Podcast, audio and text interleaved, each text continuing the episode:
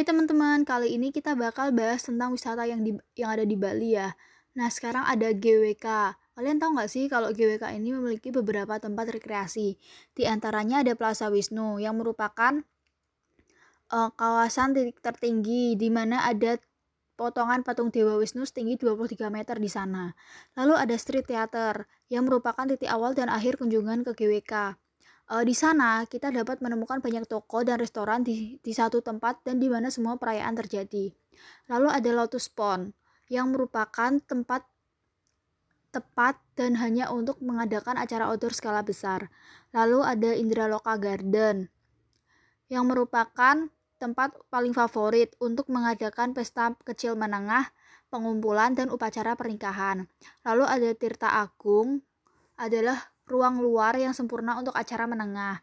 Ada Bali Parade, yaitu sebuah pertunjukan di mana beberapa penari dan pembawa alat musik mengelilingi area GWK.